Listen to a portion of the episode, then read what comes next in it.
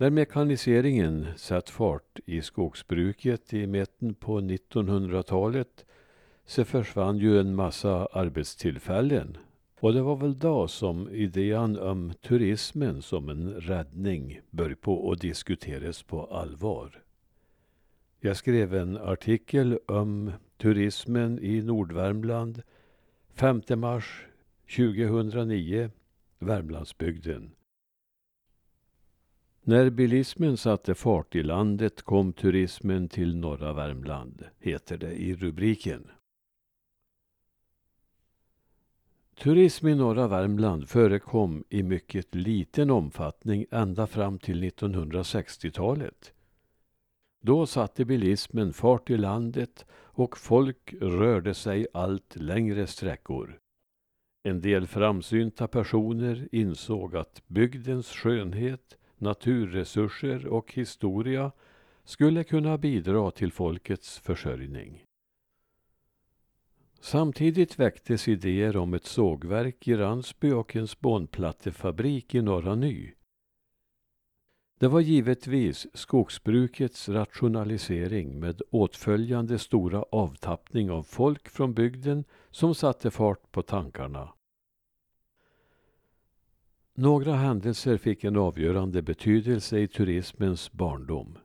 Näckåns Elektriska AB uppförde Långbergets sporthotell som öppnades 1964 och som drevs av Erik Tellander från 1966.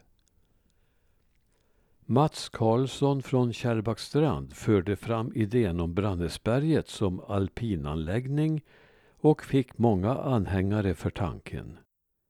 Lars Elam såg till att en rejäl dokumentation från Finnskogsbygder och pilgrimsstråk gjordes där bygdens högst speciella historia fördes fram som något att vara stolt över.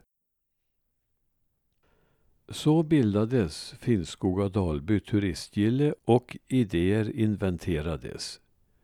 Vid ett möte på Långberget den 20 maj 1966, eventuellt det första mötet, beslöt man att öppna en turistbyrå i timmerstugan framför kommunalhuset i Sysslebäck.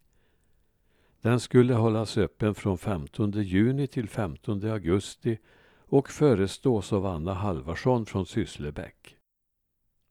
Anna skulle också få en ung flicka som medhjälpare och denna unga flicka var Anna-Lena Mogren.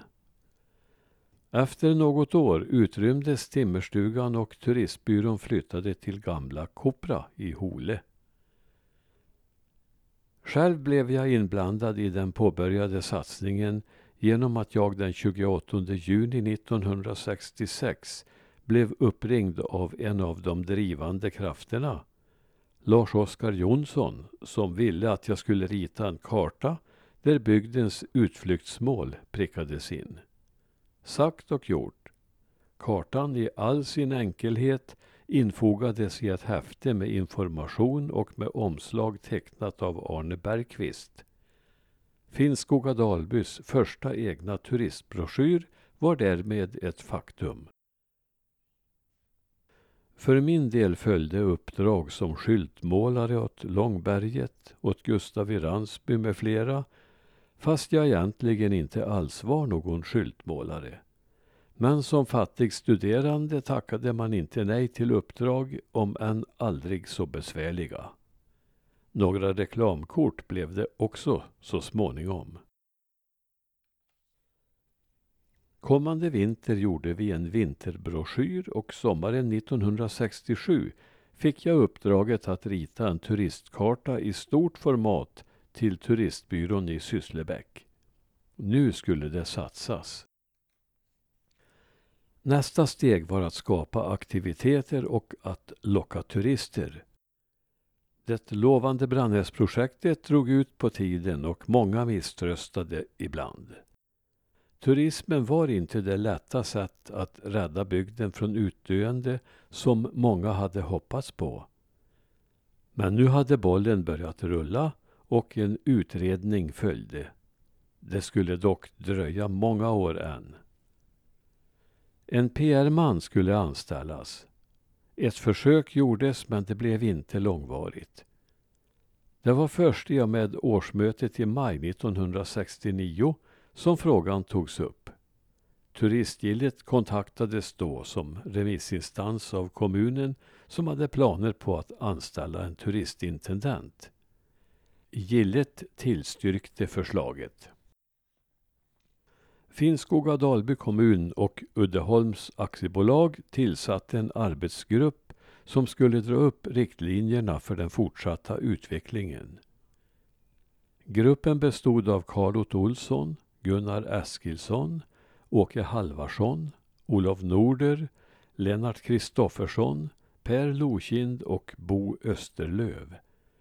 Målsättningen var främst att skapa en varaktig sysselsättning. En idé gruppen framförde var att ett turistbolag, Finab, skulle bildas med stort kommunalt inflytande och detta bolag skulle styra uppbyggnad av olika verksamheter. Man pekade förstås på Brannäsberget och planerna på en alpinanläggning. Man pekade också på det redan igångsatta Långberget.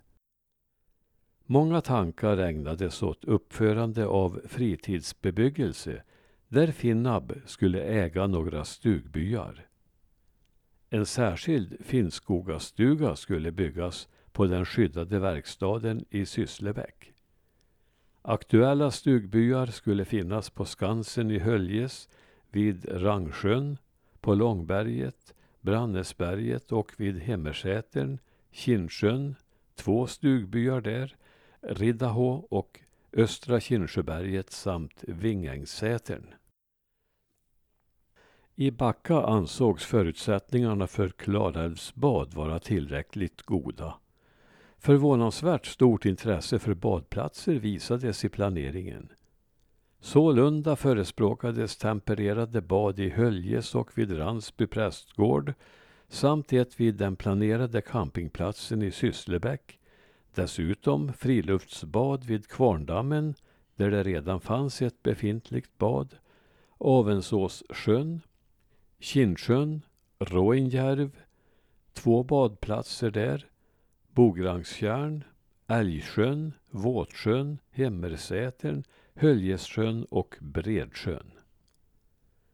Campingplatser ansågs önskvärda i Höljes, Kindsjön, Bjurberget, Sysslebäck, Backa och Likenäs. Att vägen norrut från Fastnäs skulle rustas upp sågs som nödvändigt och som angelägna vägbyggen angavs också sträckorna Bograngen-Vägsjöfors, Kindsjön-Brannäs och Sysslebäck-Långberget. Jaktens och fiskets betydelse betonades liksom anläggande av vandringsleder inte mindre än nio vandringsleder planerades och vid dessa också övernattningsstugor. Pilgrimsleden behandlades särskilt ingående. Levande säter för turisterna ansågs också önskvärd, liksom att gamla hantverkstraditioner skulle hållas levande. Även om namnet Finnskogen är ett viktigt begrepp som genomsyrade mycket i planerna var det likväl Sysslebäck som skulle fungera som skyltfönster mot turisterna. Genom en koncentration av sobra affärer och serviceinrättningar bör turistströmmen här lockas att stanna upp. Ja, så uttryckte man sig. Här var rätta platsen för turistbyrån. Som aktiviteter för ortsbor och turister angavs potatisodling, biocidfri odling av grönsaker och odling av Finnskogens druva. Båtsport, hästsport, hundspann och golf nämndes också. Av alla förslag blev det väl inte så många som förverkligades men utredningen höll intresset för turismen vid liv och underströk dess betydelse. Nya utredningar skulle följa och så småningom rullade den ena verksamheten efter den andra igång. Idag ger turismen en hel del arbetstillfällen om och inte det antal många hade hoppats på.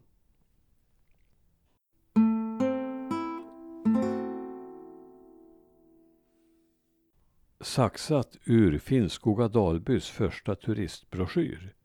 Mat och kaffeserveringar finns i Sysslebäck vid Turisten, Långbergets sport och familjehotell och Centrum konditori.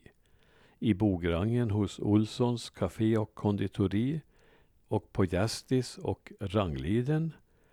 I Bosta, Höljes, Malestugans pensionat, Slink in, Gästis i Höljes. I Långflon, Gärdas motell och bar. Sen finns en hel uppräkning av butiker och kiosker. I Backa, Backebo diversehandel. I Amnerud, G Jönssons efterträdare och Johan Jakobssons kiosk. I Transtrand, Transtrands handel, Björnlidens handelsträdgård, Bengtssons bageri och kiosk i Transtrand. I Likenäs, Likenäs allköp, Per Halvarssons kiosk, Konsum, Olle Mattssons elektriska. I Långav, Persby, Maj-Britts kiosk, Dalby snabbköp, Strömvalls elsport och fiske och Henning Nyqvists diversehandel i Persby. I Ransby Gustav Erikssons diversehandel, Olle Anderssons diversehandel, Sonessons kiosk i Ransby. Branäs, Henning Nyqvists diversehandel, Sysslebäck, Sysslebäcks handel, Mogrens järnhandel, Karlstams färghandel, Radioelektriska, Stens kiosk, Slättne handel, Konsumhallen, Brandels elaffär, Sysslebäcks kapp och manufakturaffär, Mode och manufaktur, Hedlunds diversehandel, Linneas kiosk och Centrumbageriet. Bograngen, Olga Amundssons kiosk, Konsums snabbköp, Bröderna Finssons diversehandel och Olssons bageri. Järpliden, Mattssons diversehandel, Skrockarberget, Pelle Petterssons diversehandel, Medskogen, Gerda Karlssons diversehandel, Bjurberget, Oliver Halvarssons diversehandel och Arvid Larssons diversehandel. Falltorp, Arvid Olssons diversehandel. Brattmon, Brattmons handel. Kärrbackstrand, Holmbergs diversehandel och kiosk. Åkes livs. Bosta, Bostads handel. Höljes, Konsum snabbköp, Ann-Maries kiosk. Lundqvists kiosk, Höljes handel, Höljes handels snabbköp. I bastuknappen Artur E Larssons diversehandel. I Uggelheden Uggelhedens handel. Klaråsen Claes Evenssons livsmedel och kiosk. Och i Långflon Långflons handel. Av dessa uppräknade fanns en del endast med i en uppdaterad broschyr som kom lite senare. Och det var Bengtssons bageri och kiosk i Transtrand. Det var Sonessons kiosk i Ransby.